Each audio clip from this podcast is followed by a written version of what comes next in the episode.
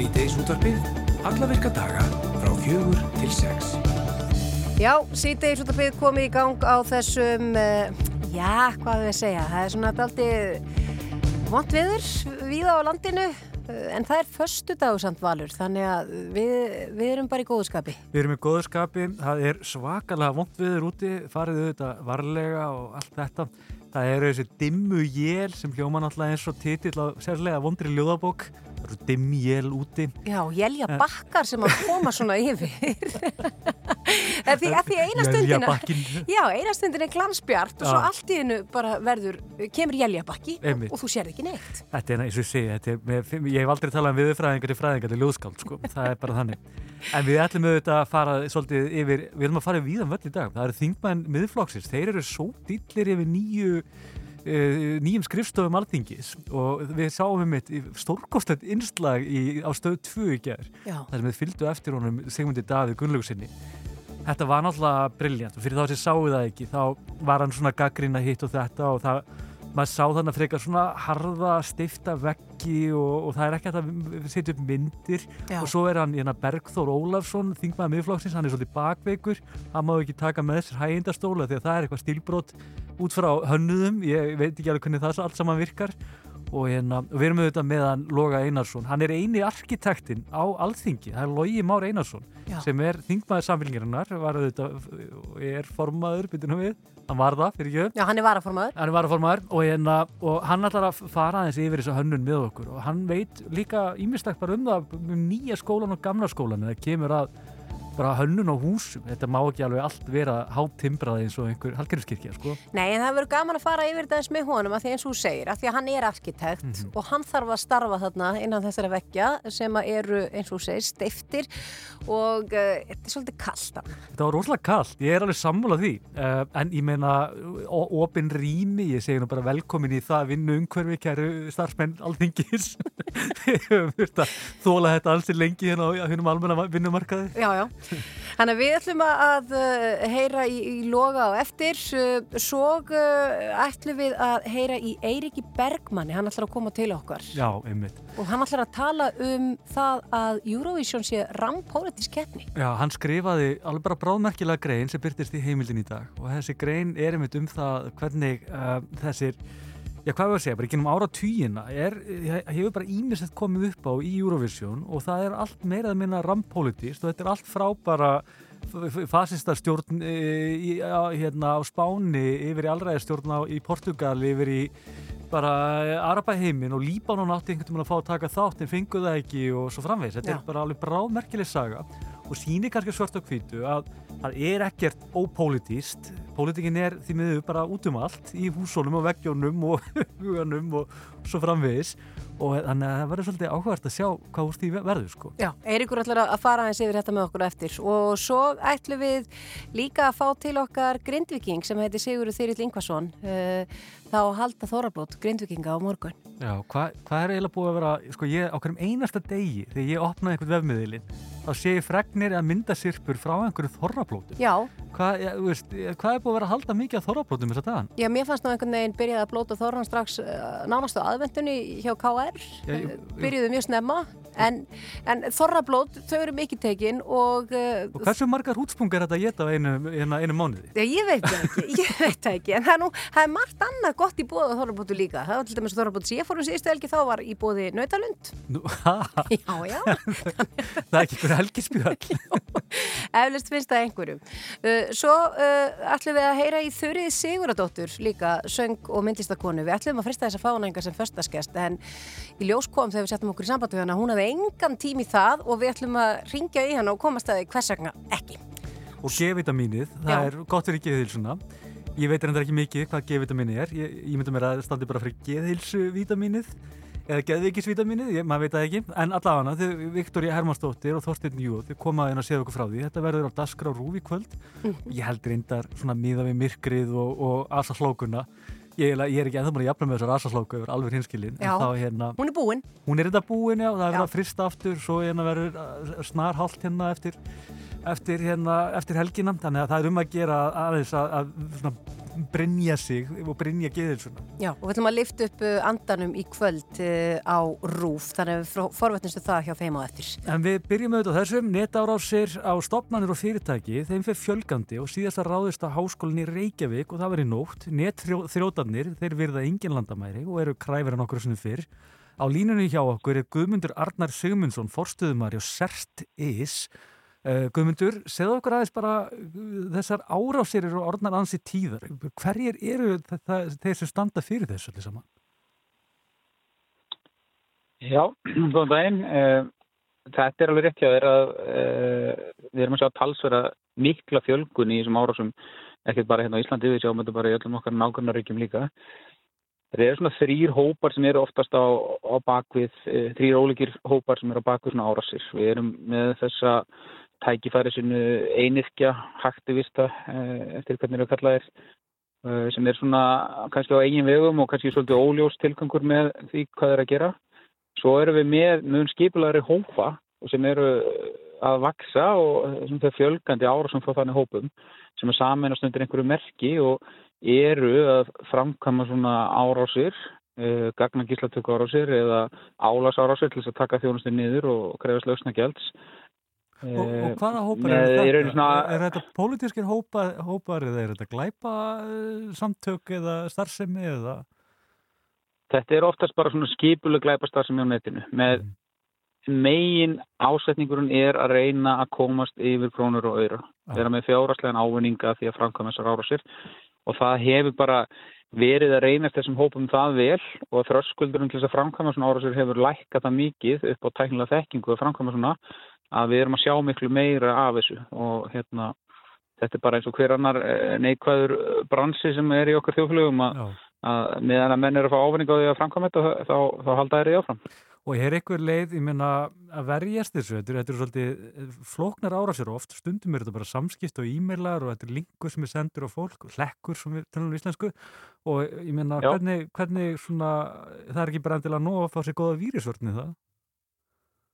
Nei, nei, það er alveg engan veginn nóg í nútíma uh, tæknisamfélagi að vera bara með öfluga vírusvöld. Þetta er bara sambland af öllum þessum helstu uh, atriðum sem þarf að huga varðandi að halda okkur örugum á, á uh, internetinu. Uh, Rekstra ræðilega þess að kerfa og þjónustu þeir eiga sjá um það að kerfin séu uppfærð og þess að kera nýjastu útgáður og, og, og þessi rétt högun eða arkitektur á bakvið uppsetninguna á kerfunum sjálfum það er eitt. Svo er að bjóða upp á að, að aðgangsstýring inn í þessi kerfi sem við þekkjum flest öll mest með því að við erum að nota svona leikilorf og notendanabn sé einn stert og hægt er og að þau séu varin með svo kallar fjölþátt að aukningu. Að það er ekki nóg að aukningu sé bara með reykilorði og, og, og, og nótendanafni heldur popp ykkur upp ykkur svona önnur leið, ekki einhvað nummer sem þú þurft að bæta við þetta eða þú fari eitthvað svona kóða í gegnum SMS og fleira eins og við, við þekkjum mörg hver. Mm. Og svona aðgáðstýringar þarf að innleiða e, inn í bara helst öll kerfi, ég, ég vil bara sjá þetta allstaðar e, til þess að tryggja það að ef að einhver ópóstun aðli nær að komast inn í auðkynningar leiðina frá nótunda inn í kerfið að þá fyrir hann allavega að komast yfir þessa auka leiði líka, þetta auka númer til þess að komast inn. Og, og því fyrir sem fleiri innlega þetta þetta er eitthvað sterkasta vörnum sem hægt er innlega gagvart þessum ára sem við erum að sjá hvað þetta var þessi innbrót og komast yfir gögn Já, en hvað, ég menna, hvað ávinningur er af því eins og fyrir tölvuþróta að brjótast inn í eða vera með netarás á háskóla?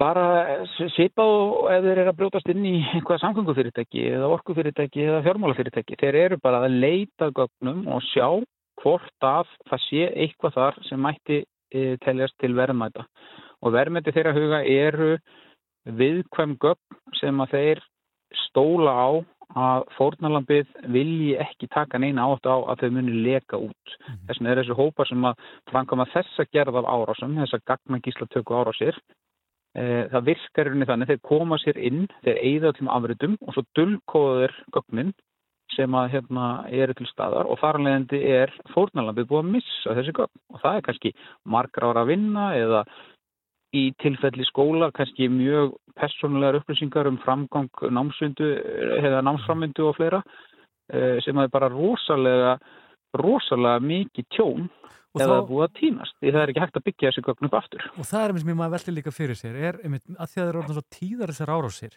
og oftar en ekki takast þær vel upp hjá þrjóðunum og ég veldi því fyrir mig bara, ég er hægt að reikna eitthvað út hver skaðin af svona árásum eru á hverju ári eða hver skipti eða eitthvað þannig, veist, hvað, hvað eru að tala um hérna bara í krónum öðrum einmitt?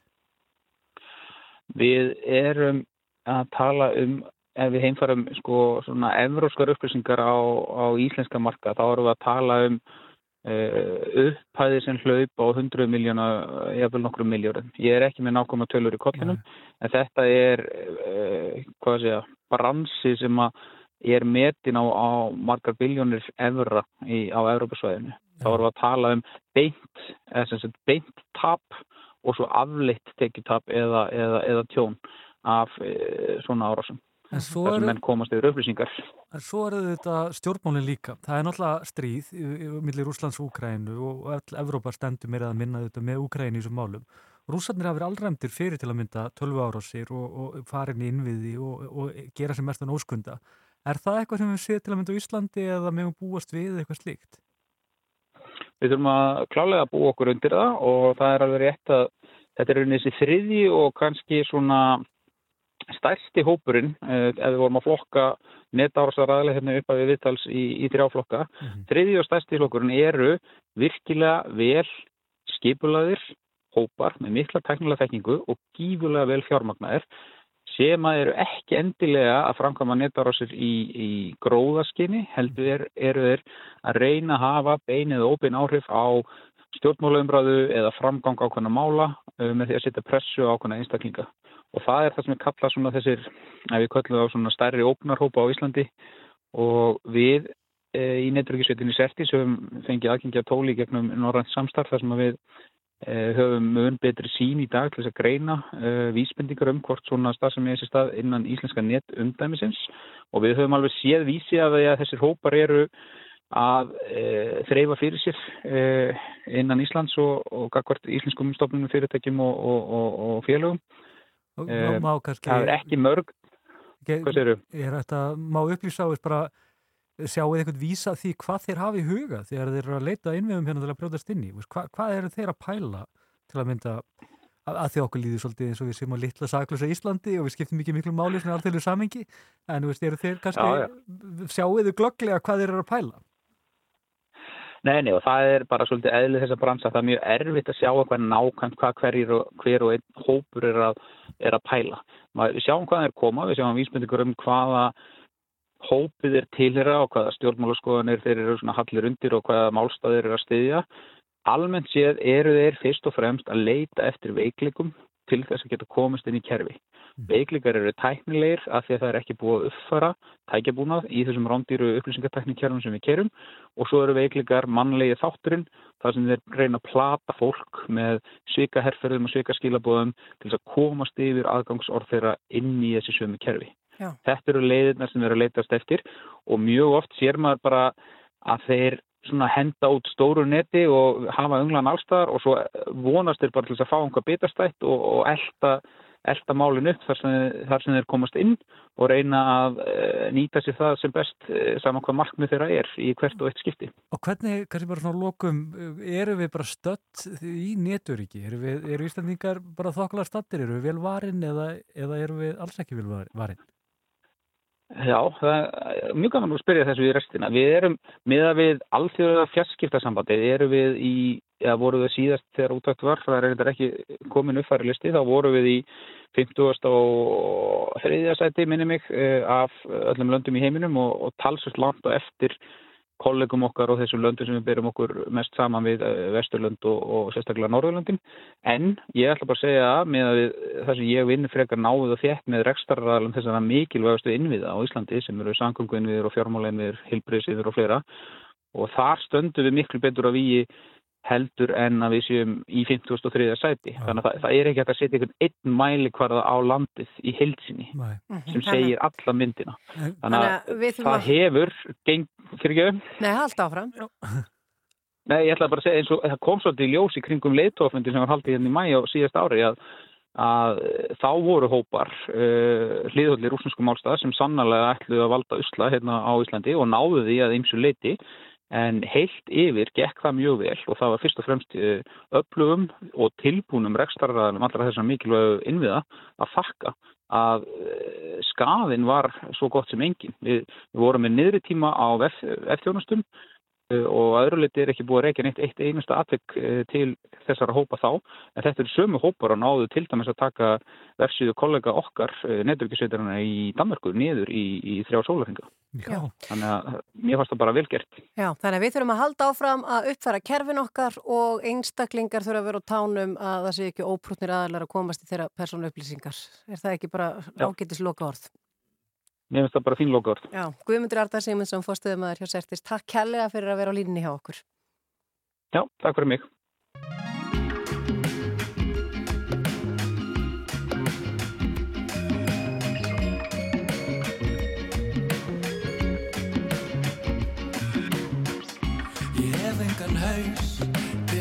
Í Ég á ekki orð yfir ástandið Ég hef brauð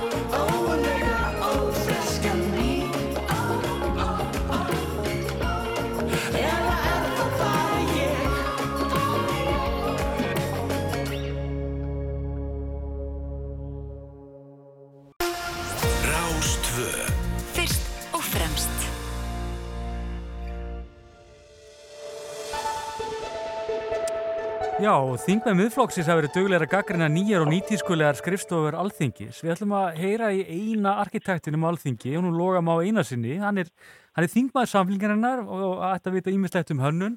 Hann er auðvitað þingflokksformaður, uh, hann er ekki formaður flokksins, og ég sagði á það. Nei, við sögum varaformaður. Varaformaður. Hann hefur reynd að vera þetta allt saman, já, þannig að það er ekki alveg að marka. Það er sko. Guðmundur Árni Stefansson sem er auðvitað varaformaður, Lógi Már, svo það sé nú rétt, rétt kynntu til leiksina. Uh, hvað segir þú? Lýst þér ekkert á þetta hús eða? Jú, ég er hæstánaður. Ég finnst þetta eh, fallegt hús, mér finnst það vel staðsett á lóðinni, það er hóvar skali, tala fallega við ráðhúsið og bætir gödumyndina talsvert mm -hmm. og þetta ber samtíma sínum bara mjög fagurt vittni. En þetta húsið þetta er ekki, veist, þetta er náttúrulega mjög nútímalegt, það eru svolítið svona hardir vekkir þarna og miðflóksmenn, kannski eiga miðflóksmenn bara svolítið erfið breytingar, en hérna e, þeir allan eru ósáttir, e, er þetta kannski frekar spurningum bara smekk og, og svona átök á milli stíla, þing, hérna formaði miðflóksins vil bara sjá gamla, gamla tekningu eftir Guðjón Samuelsson frá 1917, það er kannski ekki endilega málið heldur? Nei, sko, nú er uh, því að svara, sko, að uh, Guðjón Samúlisson teiknaði þetta húsengtuma fyrir 1920 í klassískun stíl. Mm -hmm. eh, hann átti eftir að vinna tölvöld lengi eftir það og hann breytti sjálfur sínum áherslum og færði sér úr klassíkinni yfir í þjóðverðnisromantík með, með bustastíl og, og stöðlum eins og við þekkjum og uh, undir það síðasta þá einkendi svona staðbundin móternismi hans verk þannig að ég býst við þegar ef hann hefði fengið það verkefni 2023 og lifa þá hefði hann teiknað náttúrulega í allt öru stílun að gerði fyrir 100 árum. Já, en hvernig er logi að því að þú þið eru búin að vera með skrifstofur, er þetta, er þetta gott stökk, framfara stökk, þið eru að fara þarna í betra vinnurými eða hvað? Já, þetta er auðvitað mjög mikið framfara stökk. Uh, við vorum náttúrulega bara á víð og dreif kringum Östuvöll, skrifstofuhúsnæði sem var svona misgott. Uh, þetta er auðvitað allt nýtt og þetta er uh, hófsamt og þetta er látlöst en það er allt til alls þarna. Skrifstofur eru nægilega stórar og allt sem við þurfum. Nú etnisvalið hefur nú verið gaggrínt. Mér finnst það hins vegar þvert á móti mjög gott. Þetta er yfirvega samspil milli sjónsteipu með borðauppslætti, hlílegum ljósum viðum á veggjum og loftum og, og svo steinum úr íslensku bergi sem að kannski svona speiklast eh, við utanúsklæðninguna sem þið sjáuð. Og hvernig heldur að þetta húsi eftir að eldast? Heldur þetta eftir að verða klassík í framtíðinni eða, eða eins og Sigmundur sagði þetta í þessu viðtali gerð munum menn segja eh, þetta er svona 2023 eins og við segjum í dag þetta er svona 2007 stemning. Já, já eflaust munum menn segja þetta er 2023 eða eitthvað svoleiðis bara nákvæmlega eins og þegar að eh, ég fer til útlanda og horfi á byggingar þá sé ég svona nokkur nefnir hvernig það eru byggðar en það er verið ekkert verri fyrir það. Eh, Ég er samfarið um að þetta áttur að síkjald bygging. Við erum svo heppin að það var nú einn allra besta arkitektastofa landsins síðustu áratvíu sem að vann hanna, Studio Granda og þau eiga þetta nokkur likilverk í íslensku samtíma arkitektúr, hæstiréttur, hann er nú jafnfallegur og hann var, ráðhúsið og margt annað. Þannig ég, ég er nú bara bjart síðan. En hæstiréttu var nú svolítið umdilt á sínum tíma?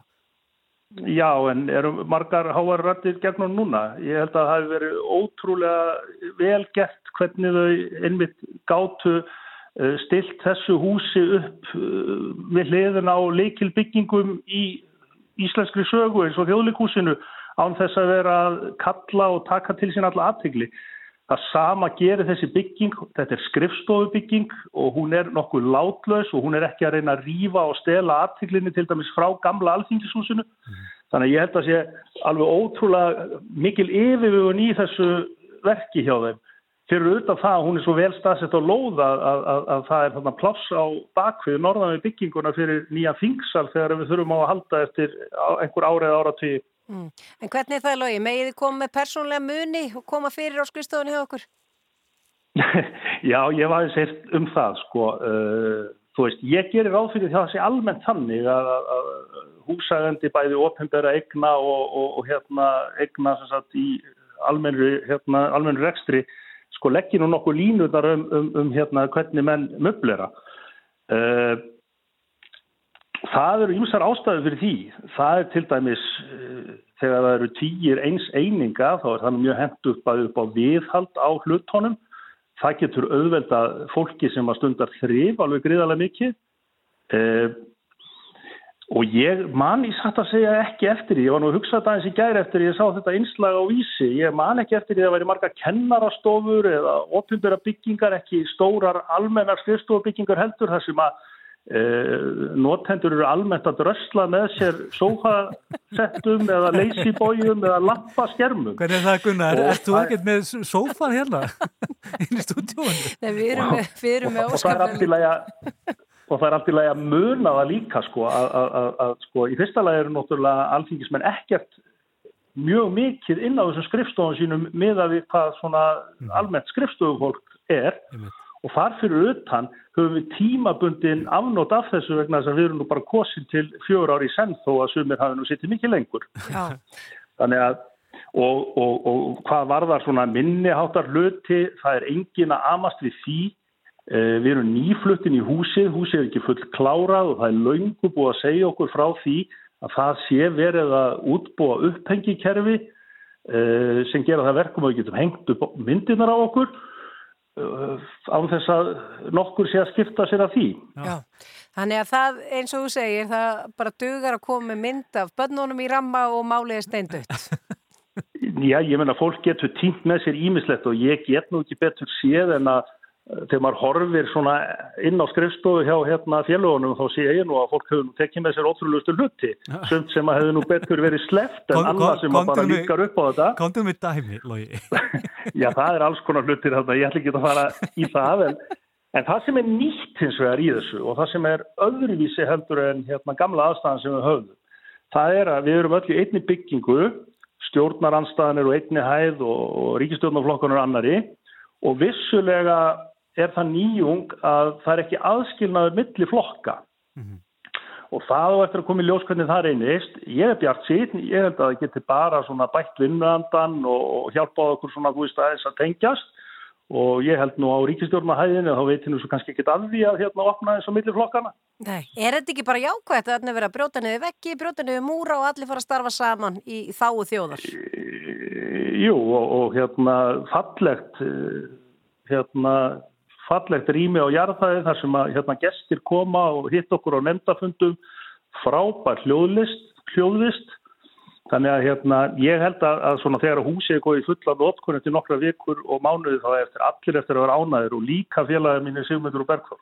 Þar hefur við það, ég held að það sé megi bara örgulega verið rétt hjá þér. Þetta er náttúrulega glæslegt hús og ég vonu nú að Berg, Bergþór fái nú að hafa sinn sofa svo hann, hann fái nú ekki baki, það er nú eina sem við erum að hugsa um hérna í svítasöldinni Hérna... Já, ég hef enga, enga ástæði til að ætla ef að fólk hefur einhverjar sérþarfir sem að getur auðvitað verið uh, þá, þá verður nú hérna, veitt leifi fyrir því og, og hérna, minni félaga mín á það þegar þeir horfa á sjónsteipu vekkina að þetta er alveg óbúðslega fallet handbrað og þeir eru að hugsa hlýlega til yðnaðamannana þegar þeir horfa á það frekar en að fylla spölsíni. Er það úrsúknu héttjur? Það er bara þannig. Takk fyrir þetta kærlega Lógi Már Einarsson,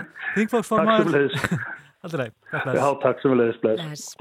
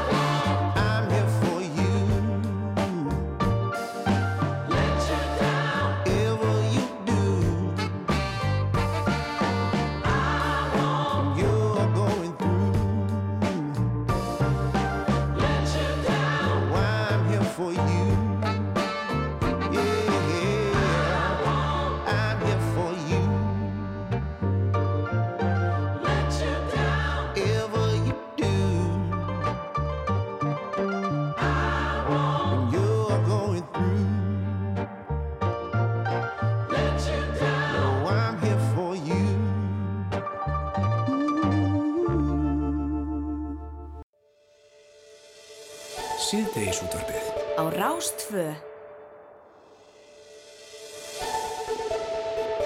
Við ætlum að tala um uh, Eurovision hérna næstu mínúturna valur. Já, það eru stóru spurningarna maður. Þetta er, það er leita ítreka á okkur íslendinga. Það er hvenna gís kalla, það er einn þeirra. Og e, þarf alltaf að vera asa hláka. Það er svo önnur spurningin. En sko, og er Eurovision í raun ópolítisk keppni? Um þetta er harkalega deilt. Uh, Eirikur Bergmann, stjórnmálafræðingur, hann tók saman svolítið áhugaverðan pistil og byrti heimildin í dag. maður fer yfir stjórnmálasögu Eurovision. Eirikur, bara velkomin. Takk fyrir. Langar bara að spyrja þig, það er svolítið sláandi að sjá að það er mörg dæmi í sögu Eurovision sem bara, eru bara mjög pólitísk og er raunverulega liggur bara áhugaveri rauður þráður stjórnmálana þannig alveg í gegnum söguna. Já, já, þetta er rampolítisk keppni og hefur verið það frá upphafi og það er einmitt rétt að þú getur sko, það er alveg hægt að sko fara í gegnum átakasögu Evrópu í gegnum þessa keppni, hún byrtist sko í deilum í, í kringum keppnina líka, þegar hún Þegar sko, keppnin er sett á laginnar, þá var það Jean Monnet sem var helsti fórustumæður stofnunar Európusambansins, uh, hérna, náins að verka maður Robert Schumann, utryggisráð þeirra uh, Fraklands, að hann fær svistneskan félaga sinn til þess að koma þessari keppni á laginnar, til þess að stuðla að samruna þróun Evrópu. Og það, það náttu að vera við, til hliðar við stofnarinnar og hinn hin hörðu pólitísku sko saminu, eitthvað svona menningarlegt svona skemmti mál til hliðar við það en sem er sett á laginnar í eins pólitískum tilgangi og hugsa skittur. Að syngja saman fyrir heimsfriði. Já, ég meina þetta er náttúrulega í kjölfarið á setni heimstyrjöldinni sem álvan er lögð í rúst af völdum skefjalösrar uh, þjóðurnisíkju og, og svona gagkvæmnar uh, andúðar uh, ríkja Evrópu, þjóðu Evrópu hver á annari og hugmyndin er að samþætta þjóðirnar í söng. Já, en þetta eru bara sjö ríki sem að byrja. Já, þetta er náttúrulega bara vestur Evrópa og rauninni sko upphaflega þetta náttúrulega kemur inn í kaldastriðið og einn tilgangurinn er svona að sína fram á frelsi og fjölbreytni og umbyrðalindi eh, sko hérna líð frjálsu ríkja vestur Evrópu sem einhvers konar andstöðu þá uh, við uh, austublokkina og, og allræðistjórnar Sovjetríkjana og, og þeirra ríkja sem þar eru, eru undrókuð. En samt var náttúrulega þarna ákveðin vandi því að uh, sko í Suður Evrópu eru fasísk eh, ríki, Spán Mhm. og, og, og Portugal og voru alltaf mikil titringur um þáttöku þessara landa.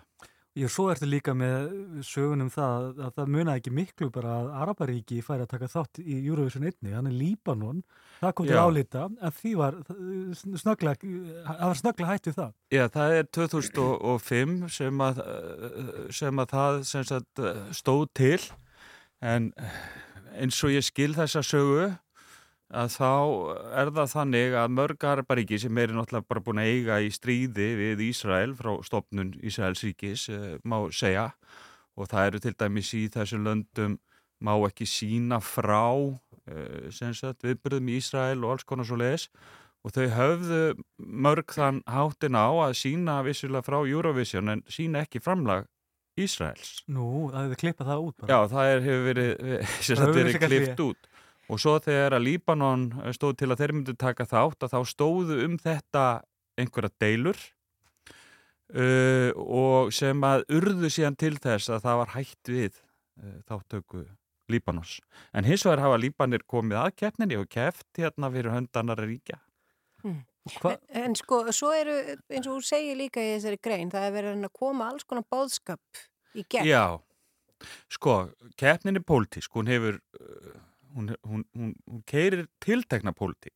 Það er sér að samvinna, friður, réttindi, mm. uh, samkennir og allt þetta sem ríki vilja uh, gætnan standa fyrir og þar hefur sko slíkur bóð, bóðskapur alltaf verið uh, velkomin og það hefur aldrei verið gerð neinn aðtúasemt við það. Það er bara gerð aðtúasemt við sko bóðskap sem að er svona fyrir, gengur þá gegn einhvern veginn uh, þessari, uh, þessari pól, pólitík uh, uh, keppninar. Ég samt var nú hatari, þau voru sektaður um 5.000 eurur þegar þið tóku þátt og það fyrir að flagga pal- palestinska fánanum í vonum að ná einhvers konar ég ímynda mér að þér hafi haft fríðarhugsunir að baki sem er lítið, hefðu, nú- kannski átt að falla það- ágætla að, að hugmyndafræðinni.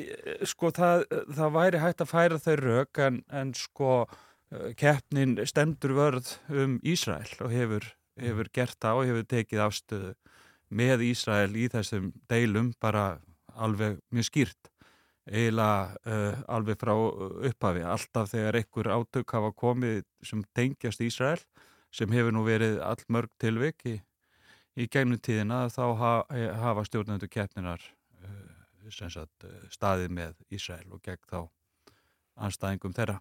Og svo hafa verið náttúrulega þessar miklu deilur um, um Rúsland. Já, það er mér sem að velja líka fyrir sér. Er þetta, þetta er þetta, þetta er náttúrulega nákvæmlega eins. Það er eiginlega engin leið að, að, að raukstuði þetta öðru í sig. Rússarnir eru þetta ráðast á nágrannar sinna Úkrænu og það er bara reynd og beint innrásastriðu þetta.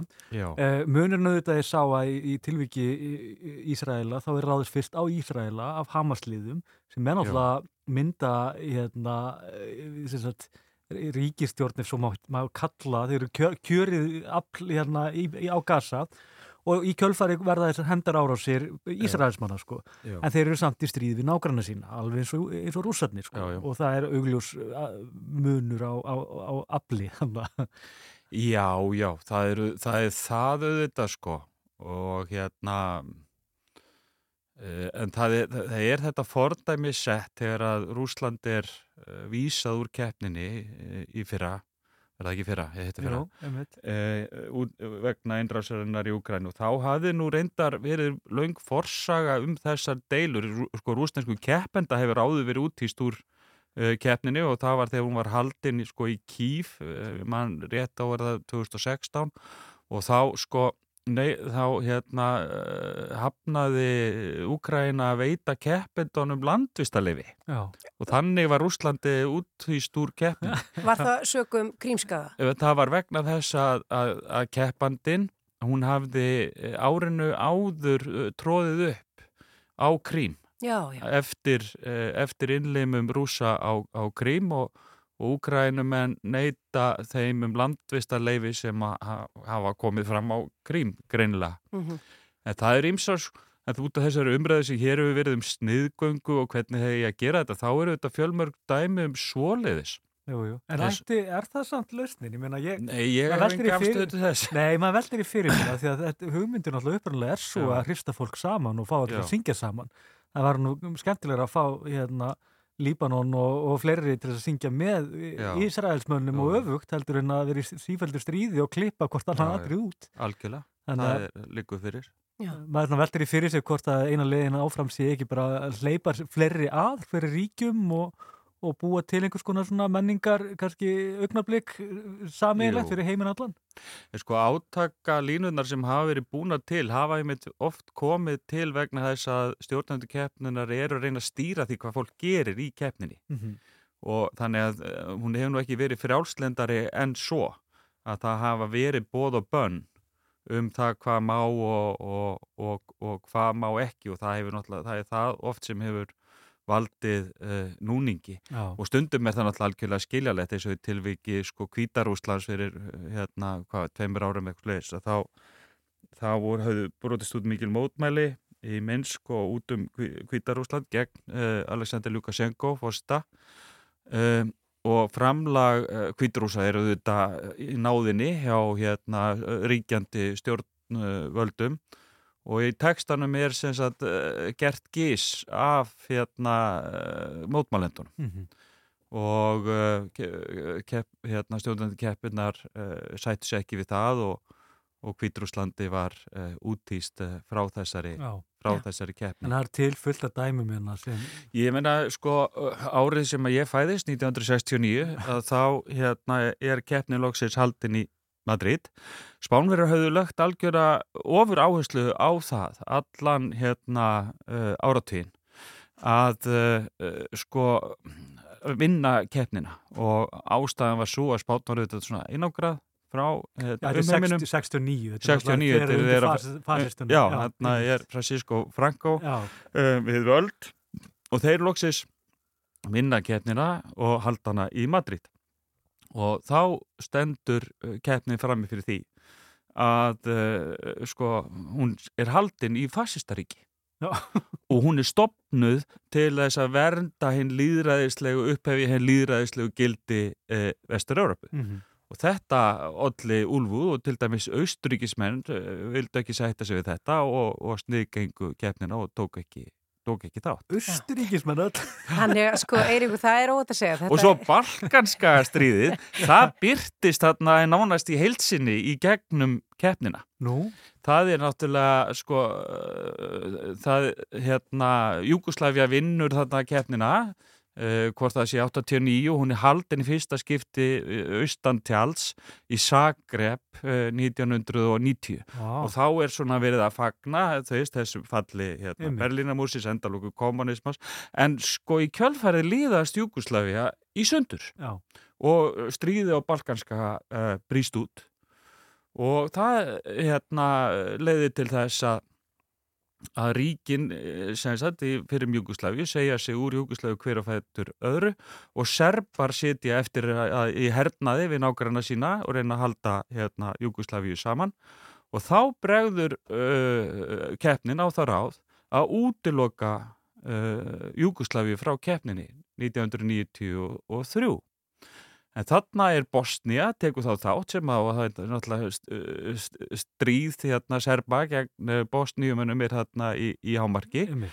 og þeir eru þetta sko fá glimrandi stöðninga allra, allra Evrópi þannig að oft hefur það verið þannig að, að svona hinnar undir okkuðu þjóðir hafa hlotið mikið stöðning sko Úkrænumenn hafa unnið þessa keppni núna ítrekað Mhm. og að stóru hluta til er það vegna deilnana við Rússland Já. þetta hefur verið stuðningur við, uh, uh, við uh, sko Úkrænu í átökum sínum við rússa. Þannig að það er engin leiður um að halda því fram að þetta sé einhver ópolítisk keppni. Nei, nei, þetta er ekki svo fótbolt eða ólipíuleikar eða eitthvað slíkt þar sem að pólitíkin blandast ekki mikið inn í málinn Mhm. þó að það gerist einstaka sinnum að þá heyrir það til undatekninga en sko það heyri nánast til undatekninga að ekki sé hápólitík í Eurovision. Já, þetta verður spennand að sjá uh, hvernig uh, framvindur uh, varandi stóra júruvísumálið. Eirikur Bergman, bara takk kærlega fyrir að koma til okkur og við hvetjum fólk til þess að- að kíkja á heimildina. Þarna fer út ykkur miklu fleiri dæmi. Já, já. Já, já, hérna, þau báðum um þetta á heimildin að taka þetta saman og það var, hérna, það var bráð skemmtilegt að fara í gegnum þessa sögu. Ég þekkti nú ekki nema bara að hluta þessu dæmi áður en ég fór að skoða. Já, líka þegar maður las í gegnum þetta, Eirikur, þá bara lærði ég heilmart um sögu Evrópu sem að ég var svona ekki með alveg á hreinu. Þannig að bara takk gott. takk kærlega fyrir það. En það stýttist í uh, fimm fréttir hér hjá okkur. Og að þeim loknum þá ætlum við nú að gera eitt og annað. Það er bein útsending eh, á rúf í kvöld sem að tengist jú. Þetta eru geðheilbriðismál, það er verið að fara að, já það er verið að tónlistaratriði og það er verið að ræða bara geðheilbriðismál á Íslandi. Jú, jú, því að við séð þetta áður, þetta er þessar safnanir á förstudagskvöldum, það er ágætt að horfa á þetta með fjölskyldinni. Já, já, þetta lifti manni líka aðeins upp. Og lifti mann upp um sem er nú mættilega tilgangurinn. Svo ætlum við að tala við hérna, hann Sigur Þyril, hann er alltaf að halda þorrablót fyrir grindvíkinga á morgun Mhm. og við vonum nú að vera bara nóga hrútspungum og, og, og hvað sem að drekka með því. Kanski nautalund. Kanski nautalund. Ég maður veit ekki. Svo ætlum við aðeins að heyra í Þurri Siguradóttur líka stórsöngkonu og, og myndlistakonu og hestakonu hér á eftir. Eh, En hún hefur í næga að snúast þessi dagurinn, þannig að, að farið ekki langt.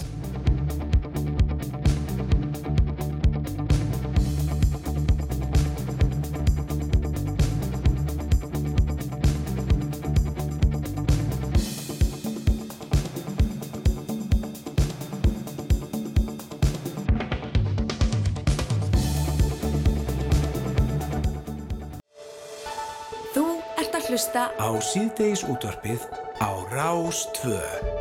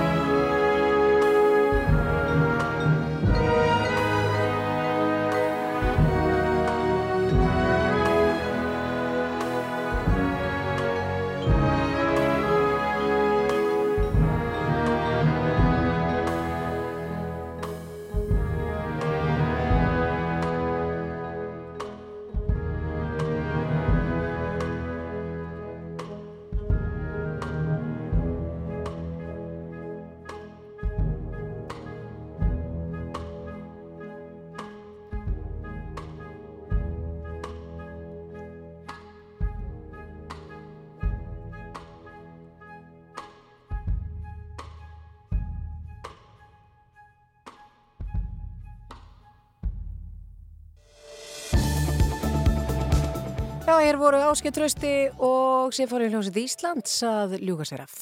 Já, hinga til okkar er komin Sigurur Þyrill Ingvarsson, hann er ekki bara húsasmiðameistari heldur en hann frá Grindavík og hann er að fara að halda þorrablót. Uh, Sigurður, þetta er nú búið að vera svolítið erfiða vikur, þið eru búin að vera í mikill verðmættabjörgu núna síðustu daga, svona margt búið að breytast. Þú er sjálfur bara í vikunni, er það ekki, að, í bænum að ná í þínu eigin eigur. Hvernig bara hefur þetta gengið?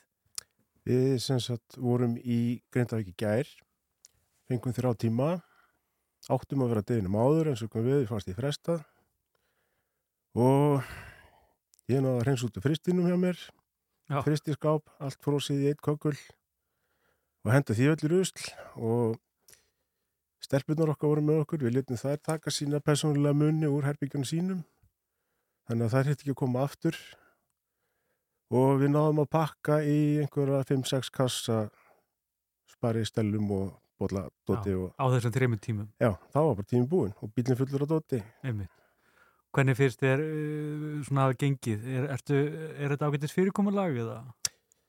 það er minn gallað á margan hátt og bara já, það er ekki nómið að djöflarnir í neðra síðast stríð okkur heldur eru veðuguðunir ekkert betri Já, þannig að þetta er svona Já, búið að snjóa mikið og það er, er allflókan alltaf. já, já, og, og við erum náttúrulega að fara hérna í, í gegnum krísuvíkuleðina Einmitt, sem að er bara skelvilegu við, við að Suðurstrandarvegi, fara já. já. einmitt.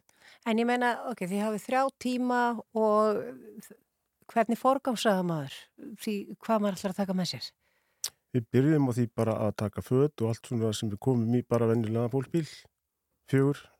Þannig að það voru nokkri pókar á á fötum Uh -huh. og svo kassarnir sem stelpunar okkar tóku. Eh, svo reynum að bara einhvern veginn næst fóðu held í sex tíma. Ég satt að segja, veit ekki ennþá hvaða dagur það er, þetta ennþá að reyðlast að fyrir enginn að fara inn næstu tvo daga. Já. Þannig að við færumst á aftur með tvo daga. En, hva, en varðandi fötin, ég meina að því að svo er þetta allt svo óraunverulegt að því að þegar að rýmingin er í fyrsta sinn uh, þá væntarlega fer fólk bara út með ekki neitt með sér. Hva, í hverju hafið þið verið? Nei, ég hafið að því að eins og þú segir, að því það, maður áttar sig ekki á hvað fylgir manni mikið dót og hvað maður þarf í raun daldi mikið fyrir maður stendur allslaus. Já, með, dótið okkar er meira minna allt en þú búslóð er ennþá í Grindavík. Og ég er búin að fá gemslu húsnaðundi þá og stefna því bara tæma húsið. Því að staðan er bara þannig að rafmagn og hitti hangi bara líginni. Og við vitum, þannig var að tala um að gjósinn að tvekja vikna núna. Það fylgja því vantilega skjáltar og annar ofögnur. Þannig að hvernig við veitum kerfið út úr því. Já. Og ef, það, og ef það er nú einhver sem þarf á þorrablóta að halda, þá verður það nú þið í Grindavík.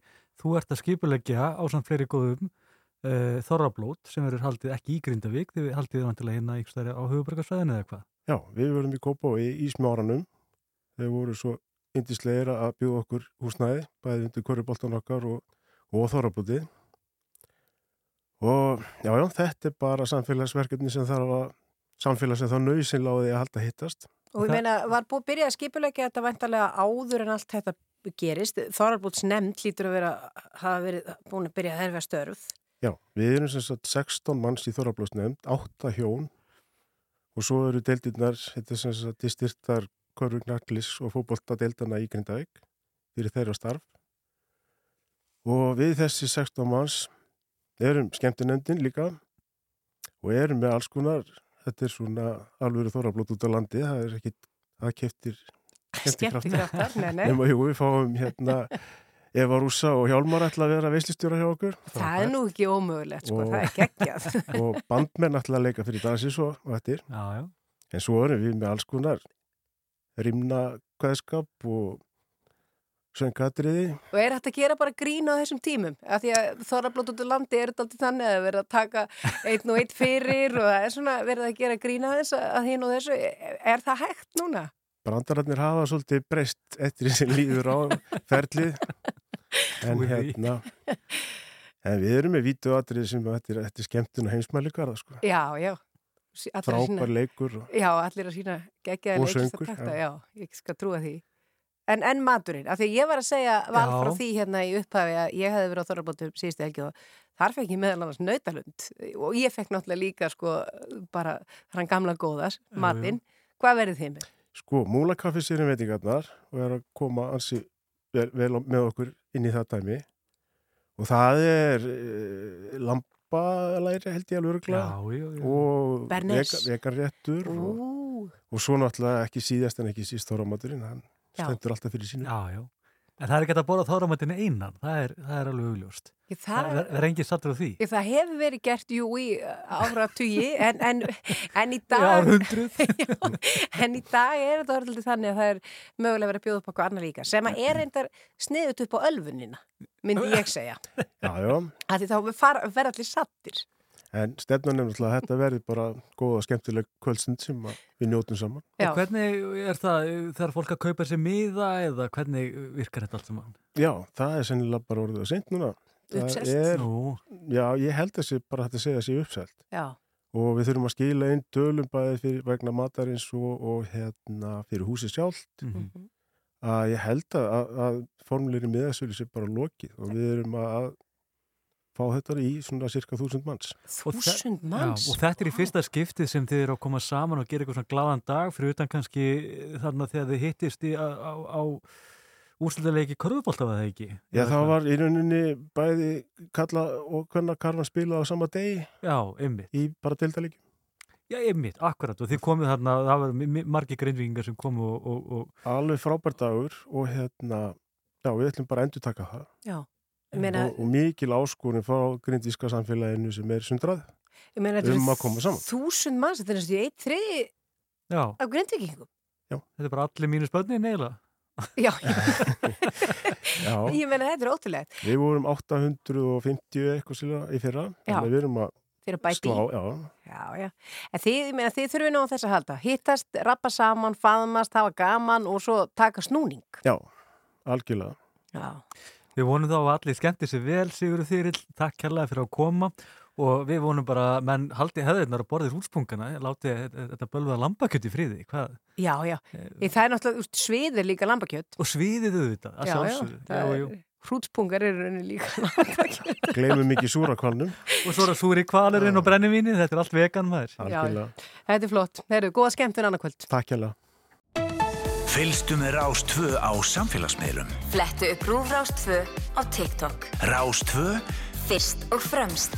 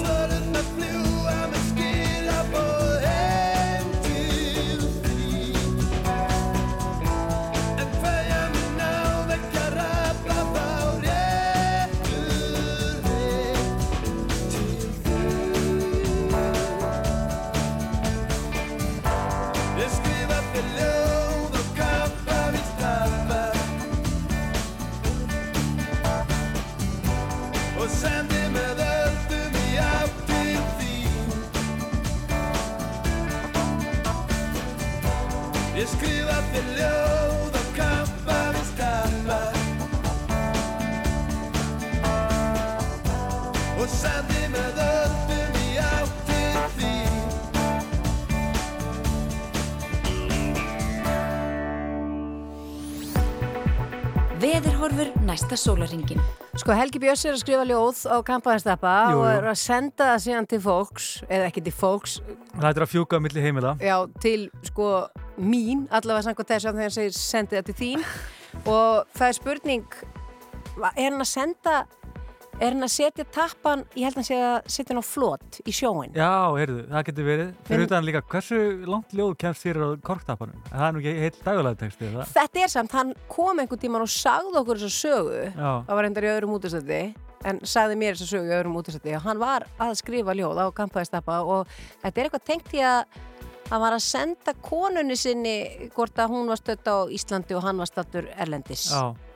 og hann saknaði hennar og vildi skrifa ljóð á kampaðistappa og sendi henni heim. Send, já, skrifa kampaðarstappan, já, þetta getur nú verið svolítið fínt og svo jafnvel taka hann ekki úr, heldur skjóta hann um úr, þannig að hann skýrst einhvern veginn. Út í sjó. Út í sjó, ég. Og þannig berst hann heim. Þetta er Já, svoleiðis. nema þessi gulviðurum, það er náttúrulega akkurat núna er suðvestan hvassviðri og eða stormur með jæljum sunnan og vestan til fram að minnati. Það er náttúrulega bara gulviðurinn og það er snarvittlust viður og það er engin leið að fara á milli staða nema maður sé að vel búnum bíl eða, eða bara með þeim mun harðara, hérna, einbeittra hugur ástand. Já, það er ílska að því að ég kíkja alltaf á myndina veist, af Íslandi, Já. kortunum og vindarspásmyndin uh, það er ílska í myndinni hún er, hún er það, það er fjólublátt sem þýðir mikill vindur Já. og svo er svona raukt að tegja sig upp að suðvestur hodninu Einmitt. og það er versta maður sér eiginlega ekki eiguna hún er, það er svo mikið, vind, svo mikið að grafík yfir henni, svona vindi og annað eins Já. og bara einhverju, einhverju, einhverju dimmum jæljum að maður sér ekki svona votta fyrir útlýnum landsins á kortinu. Nei, þannig að það er eiginlega uh, svona vest en svo er einmitt úrkomusbákortið það er líka svona svolítið eins og einhver hafi slett máling á það. Einmitt. og uh, þannig að það eru eins og ég saði hér fyrir þetta um jæljabakkar. Já, já, það er náttúrulega bara jél og kólandi viður og kvassast er sunnan og vestanlands það er svona þursta mest á norðaustanverðu landinu Mhm. Og svo er það frostarðinir 6 stig í kvöld og, hérna, og það er suðvestan 10 til 18 og ég er á morgun eh, ef þeir eru eitthvað að veltaði fyrir ykkur að fara í, í einhver fallegan göngutúr þá er það ekki mögulegt á morgun nema þið klæði ykkur allan vel Mhm. og það er stundum svona ægi fegur sem fylgir svona eh, stormum það var gaman, við sátum hérna aðan að undirbúa þáttinn og horfum út úr gluggan og maður sér svona sólinn allt í einu brjótast fram Já. lýsir einhvern veginn upp stormin þetta er algjört furðu veður Það er eitthvað kósi við það að það þurfi að móka sig út úr hýpilum sínum. Ég hef margóft lent í því um æfina sem barna það snjóaði alveg þannig fyrir að það þurfti að móka sig út og líka bara ekkert fyrir svo lengur síðan. Það er bara svona kannski þrjú ár síðan. Já, ymmit, en það er endar, mér finnst nú ekki að vera snjóþungt í svolítið tíma, allan ekki inn á höfubarkarsæðinu. Við höfum sloppið ansi vel, finnst mér, ansi lengi. Já, ég bjóð fyrir norðan sko. Já, ég, það, þið þurfu, það þurft að grafa ykkur út sér 1973, sko. Já, já, miklu fyrr, miklu fyrr.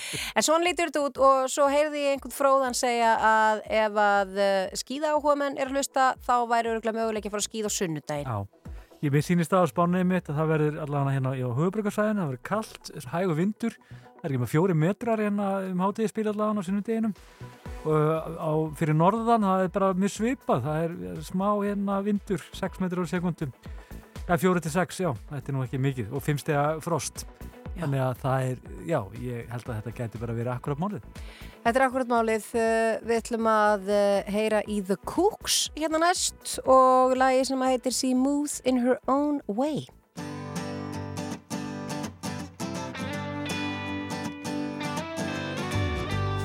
My show on Monday, I was hoping someday you'd be on your way to better things. It's not about your makeup or how you try to shape up to these tiresome paper dreams. Paper dreams, honey. So now you pour your heart out, you're telling me you're far out. Not about to lie down for your cause. But you don't pull my strings, cause I'm a better man.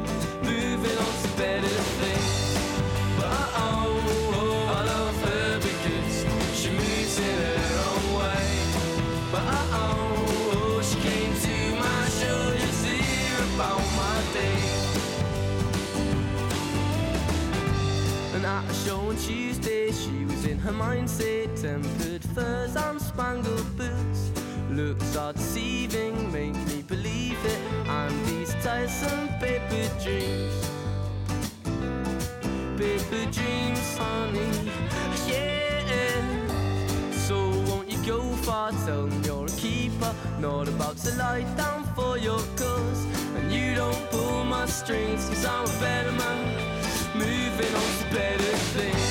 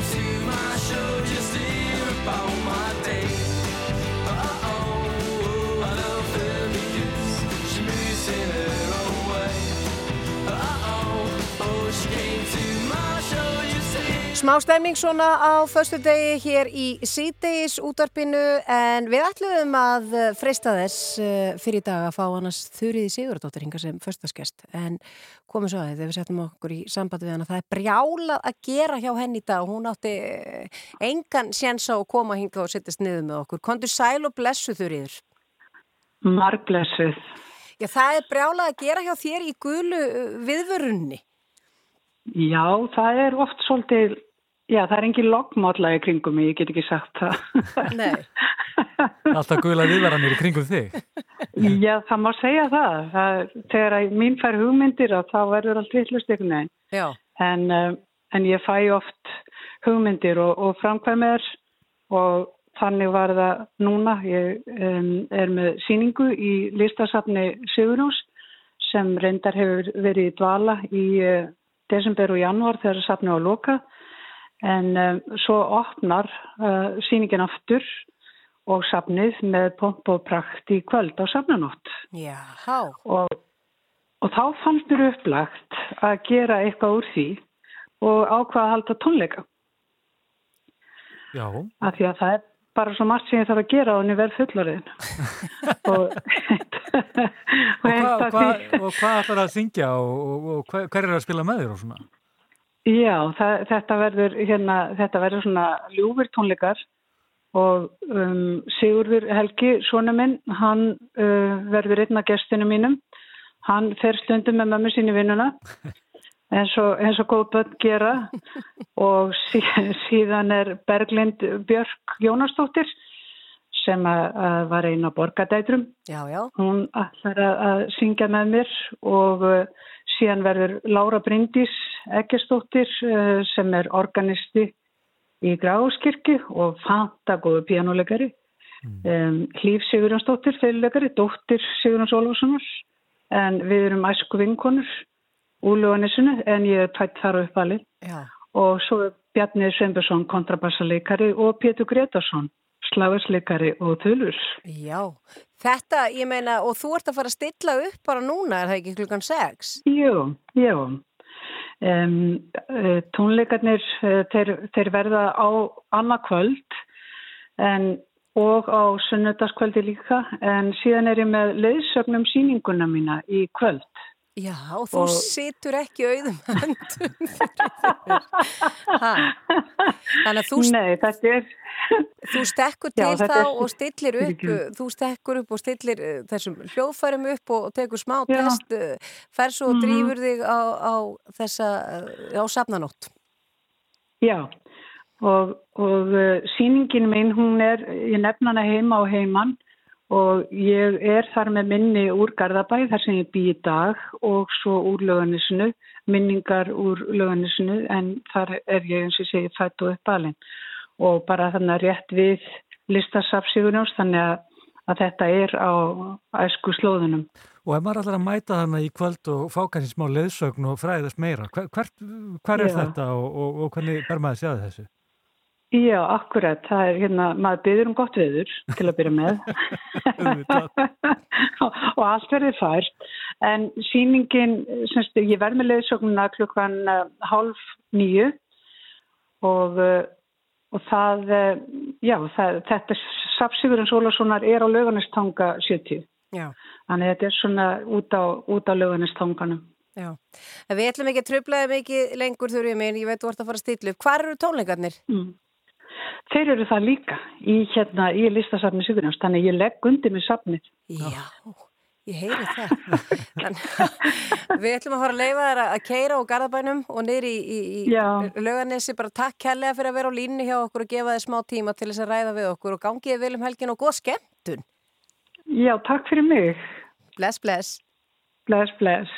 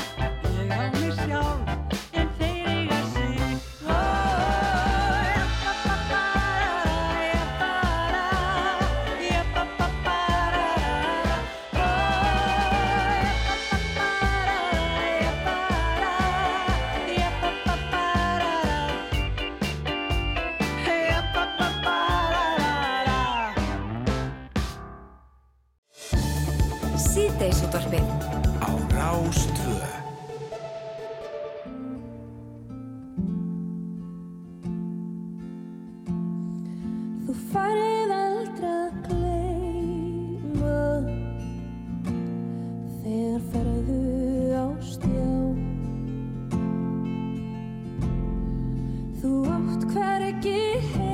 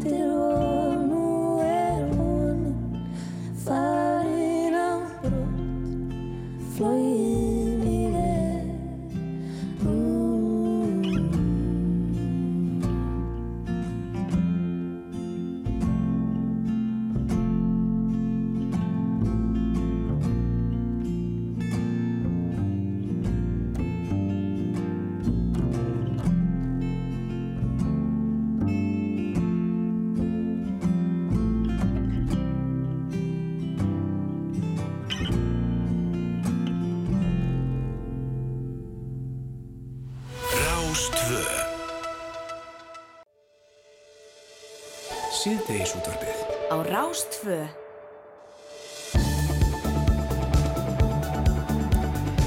Já, við höldum áfram, það er gestkvæmt hjá okkur í dag, Valur. Já, hvernig er geðhilsan, Guðrún? Hún er, eh, sko, hún er alltaf alltaf upp og niður. Alltaf upp og niður. Við.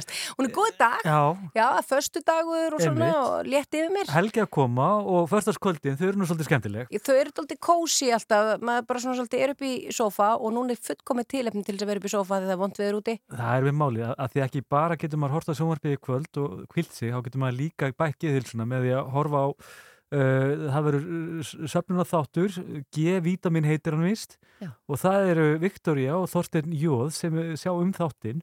Viktoria Hermann, svo ég segi nú nafnið rétt, þau þekkist ekki það vel en, Já, nei, nei. en hérna, ég veldi nú bara fyrir mér kannski bara um hvað snýrst þetta og, og hvert er markmiðið? Já, ég myndi segja að þetta er styrtarþáttur fyrir geðhjálp og geðhjálp eru samtök, hagsmunarsamtök sem hafa barast fyrir bættum um, já, og alls konar hlutum varandi geðhilsu, varandi geðhilbriðismál í marga áratíu og það sem við erum að gera í kvöld kannski við Viktori, við erum að draga saman uh, inn í umræðinu svolítið nýjar hugmyndir. Uh, við vitum nokkur með einn svona hvert vandamálið er, það er gamalt húsnæði, það er fjárskortur og ýmislegt svoleiðis, en hvað getum við gert betur, hvað langar okkur í og það hefur verið svolítið svona leiðarstefið Viktoria í því sem að við höfum verið að, að, að fá bæði þau viðtöl sem við, við höfum tekið upp og svo líka viðtöl sem verða í, í, í útsendingunni í kvöld. Já, við erum að fá svona alls konar skemmtilegar hugmyndir, góð heilræði og þetta er svona, þetta er svolítið á jákvæðu nótunum sko og svona kannski smá vitundavakning að þjóðin taki bara höndum saman og, og pæli í þessum málum kannski á annan hátt. Mm Erum við komið rosa stutt á veg? Já, svona einhver leiti, við erum nú eitthvað að mjögast áfram en, en svona með við að, við þá sem við höfum talað við og það sem við höfum skoðað þá erum við aðeins á eftir. Já, það er nefnilega, að mörguleiti er ná, þetta húsnæðið okkar gamalt, ég meina það er ennþá verið að nota eh, alls konar hérna dagvistun á kleppi og kleppur er bara byggður sem, sem geðsjúkrahús nefna á, á síðustu öld, uh, húsnæðið við ringbröður yfir 50 ára gamalt. En þetta vitum við, svona er það, en nýjar hugmyndir hafa auðvitað sprottið upp, við erum að bera okkur saman í kvöldu Danmörku, skoðum þar aðstæður á geðdelt í Væle sem Grímur Allarsson, frangatastur í geðhjálpar, sínur okkur. Og síðan er það bara hugmyndafræðin, að hugmyndirnar eh, snúist ekki um hvernig getum við haldið þessu niðri, uh, loka sjúklingana inni, uh, það má ekki fara í manju, það má ekki gera þetta, það má ekki gera eitt, heldur, hvernig líður þér og hvernig förum við að því að, að búa til þjónustu sem er við hæfi fyrir notendur og ekki bara notendur, heldur líka fjölskyldur, Mhm, eitthvað, börn, já. foreldra.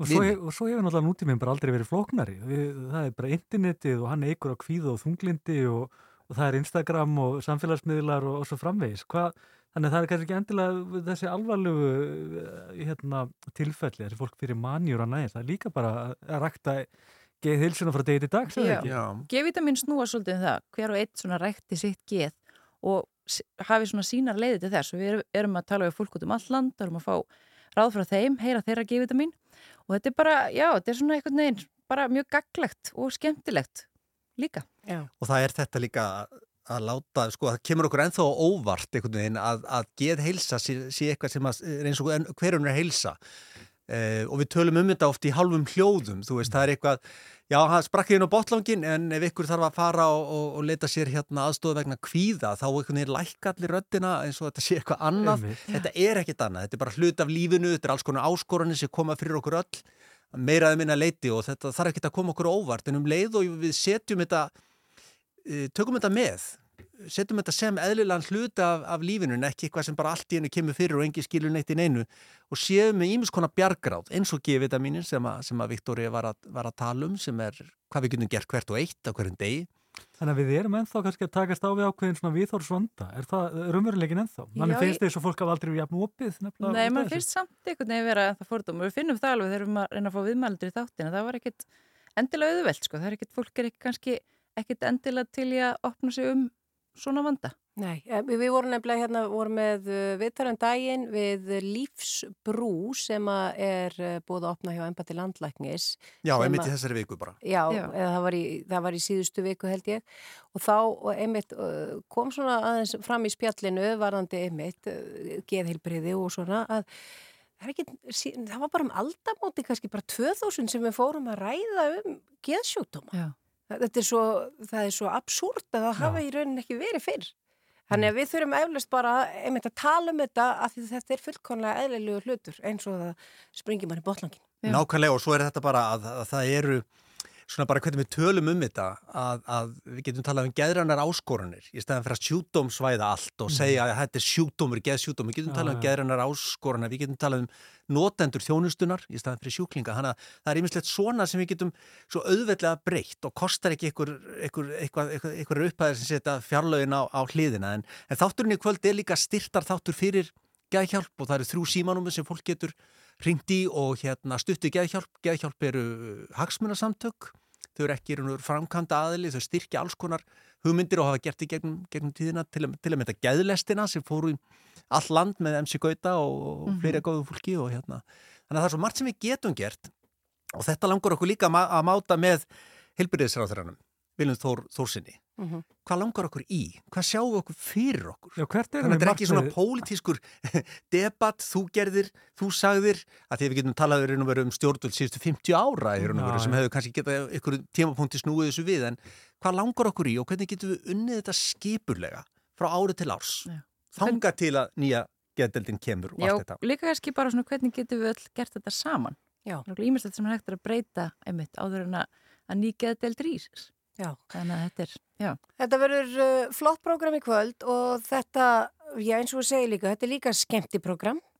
Já, það verður tónlistaratriði og grín með Vilja Netto. Hann fer og tala við fólk um svona þeirra heilaræði og, og hvað þau geri og ímislegt skemmtlegt. Þannig að Mhm. þetta er svona, þetta er brotið upp með, með skemmtun og svo bara léttu og almennu spjalli um þessi mál líka. Já, þannig að þetta er fullkomið inn í kósi-prógrami sem ég var að tala Já. um á fyrsta skvöldi. Bara 100%. Þú þarft Algjörlega, þetta er að bara að mér og menna poppa. gert fyrir þig Já. að þessu leiti sko, Og- og hérna og þið gætuð ekki verið hefnara með veður. Nei. Já, þetta er inniveður og Já. hérna ég ætla bara að hendin símanúmerunum að því ég er með að skrifa og, og, og það er búið að opna, opna alla línur 907 1001, 907 1003 og 907 1005 þetta er nokkuð neður rétt að mér Já. og bara gefa það sem þú treystiði til að gefa. Já, margt smátt gerir eitt stort. Algjörlega og þetta er eins og þótt þessi förstaskvöld þá var, þegar við vorum að undirbúið og svona var að fólk var að velta fyrir sér, er þetta nógu skemmtilegt? Skilgrendu skemmtilegt. Þú veist, þetta er ekki hall og latti en þetta er Þetta eitthvað sem skiptir okkur máli og það er skemmtilegt. Já, og, og ég lít líka, þannig á þetta. Einmitt, og eftir hana mánu maður finnur sko hvað fólk er einhvern veginn það er svo margt búið að gerast við þurfum Já. svolítið á þess að halda bara. Einmitt. Tala Það, um þetta er bara þetta þungur mánuður og ég held að þessi algjörlega komið tími til þess að bara leifa sér að fá sér má nammi í kvöld, horfa bara góða dasgra og bara aðeins velta þessu fyrir sér af því að það mun vissulega hress og kæta og bæta. Já. Já, þetta hefst klukkan 19.40 á Rúf, Þorsteinn Jóð og Viktoria Hermansdóttir. Takk kærlega fyrir komin og gangi ykkur vel í kvöld og uh, við ætlum að, uh, ég slá botnin í þetta með náttúrulega MC Gauta Jú, jú. sem er einn af því sem að kemur fram. Já, já, já. Valingi með skóla var upptekinn að fá mér En hætti eftir stúdent, ég nefndi ekki háen Með negin yfir maður, engin pressa á mig. Klára klukkutíma sjónuna með hálfa miljón á mig Hálfa miljón á mér, hálfa miljón á mig Klára klukkutíma sjónuna með hálfa miljón á mér. Hálfa miljón á mér, hálfa miljón á mig Klára klukkutíma sjónuna með hálfa miljón á mig Hver er ég, ég er valla viss Þessi pappi rapp og rapp og selur cannabis. En áður en þú tekur þessi börn á mér Á skattu lesa smá letri, googla CPD Tíu ár síðan bara ég Svo ég gaf mig sjálfum úr og það kann karadek Ég ætti að fronta bænda blæði því ég smala fjö Rósa best og ekki tara cash í SMS er besti. Þessi kærir á hundra, ert að bílinn geti svo hundar Ert að miljón, ertu að stunda, mundu bara gera þetta undan þér. Einni þið eru hundra, gauðir að selja sig fyrir umtal Sef að þessu fælu smá blund, margt úr það reymbast ég bara að dunda mér. Fyrir takk Var að hitta endur skóndan og virðist þegar meira enn í mann Mafaka, mér aldrei hætta þessu bulli Þetta er að fokkir einu sem ég kann. Mafaka, ég er svo mammúti, ég er svo frosin Svo heitir ég stertaði gósi Búin að vera ég lengur um mósi Valingi með skóla var upptekinn að fá mér En hætti eftir stúdent, ég nefndi ekki háen Með negin yfir maður, engin pressa á mig. Klára klukkutíma sjónuna með hálfa miljón á mig Hálfa miljón á mér, hálfa miljón á mig Klára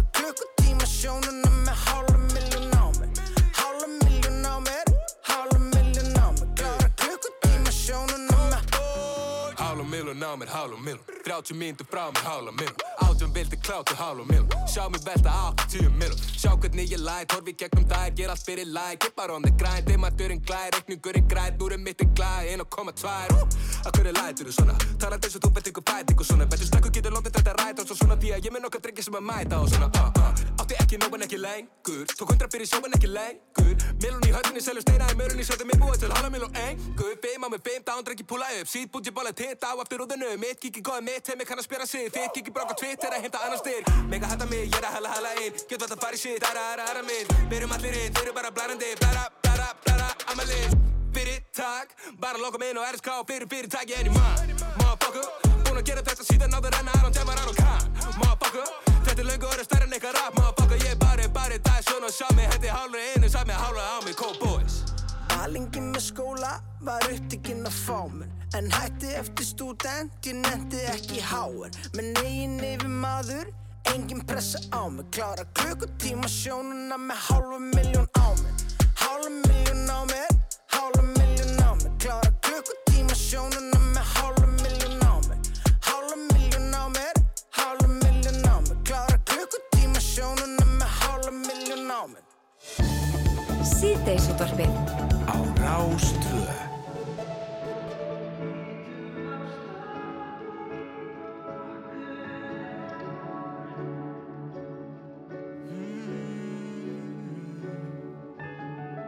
Ég kveð, knús og bless, byrja að telja niður. Ný orð, stærri strákar aðra hverju viku. Hvernig var yfir mamma þín þá gott? Er lífið þínu megin ekki annars bara flott, já Ég sé breytingar en ég giska bara. Í dag Batman vann kvolpa sveitina. Ég kefti skó sem hann pössuðu í gær. En nú standa upp úr þeim tíu stykki kramta tær. Yin og yang, demandar Ólíki bræðum með ljón sérta Rútína, breytinga. Aðlugunar efni á við farfugla. Ítum á stopp í nokkur ár. Fristum tíman smá. Allt og margt sem ég vil sjá. Ítum á stopp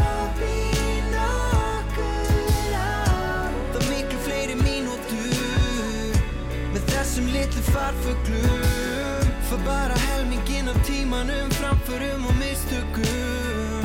Mm. Amalum og frítugum Öllum gæða stundunum Ú, Með þessum farfuglum. Ég er eins og er pappi hlutastarfi. Hvert bró og sér hvert hár fær bara helmingaði Ég hitti mann sem þú kalla pappa tvö Og ég óska þess að gaurinn seti bros á þína vör Sex ár, bráðum tólf og því stækki bara. Ég sé mikinn mun bara milli daga En dreymir stórt kringum ykkur fjöldi manns Sem að grípa fyrsta rasi, fyrsta tapi, fyrsta allt. Ítum á stótt í nokkur ár Fristum tíman smá. Allt og margt sem ég vil sjá.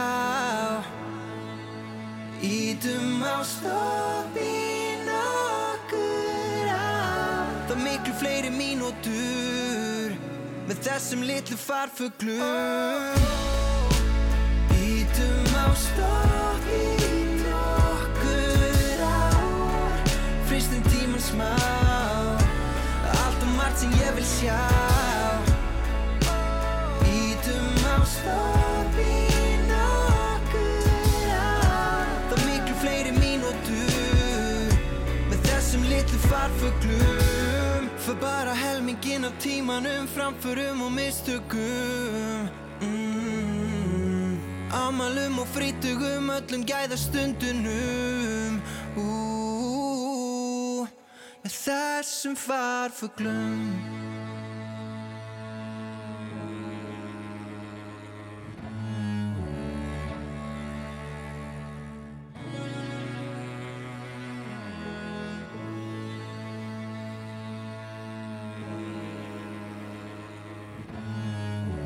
Þetta er eh, uh, Júli Heiðar uh, sem að syngur þetta fallega lag sem heitir Farfuglar þar sem hann er að fjallin um það þegar börni á tvö heimili. Það Já, er... svona sannlega. Þetta er, hérna, þetta er búið að vera áhugur dagurland og, og mikið um að vera. Við erum að fara í gegnum hérna heilu netárásinnar og, og, og auðvitað Eurovision sem er eins mögulega pólitísk hátíð það getur orðið. Já, sangkvæmt Eiríki Bergman og eftir líka þessa upptalninga hans, þá, þá er erfitt að efast um það, sko og svo auðvitað er þorrablóti og grindvíkingum á morgun við uh, óskum þeim náttúrulega alls þess besta og vonum bara að þeir gangi hægt um gleðina dýr Þúsund mannsvalur sem er að mæta blót í smárunum. Þetta verður hörkublót, getur setjast. Þetta verður svakalegt. Já. En síðan verður ekki lengra sinni, við verðum bara hérna aftur á mandagin. Já, reyðið sæl.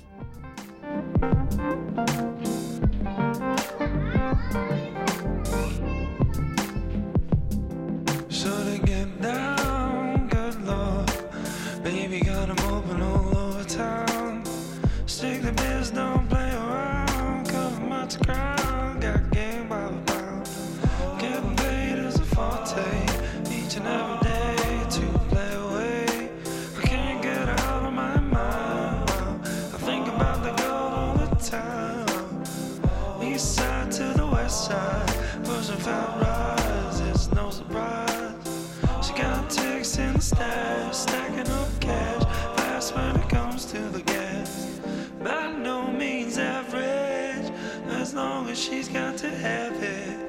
Maybe you're perfect ten. I like the way you work.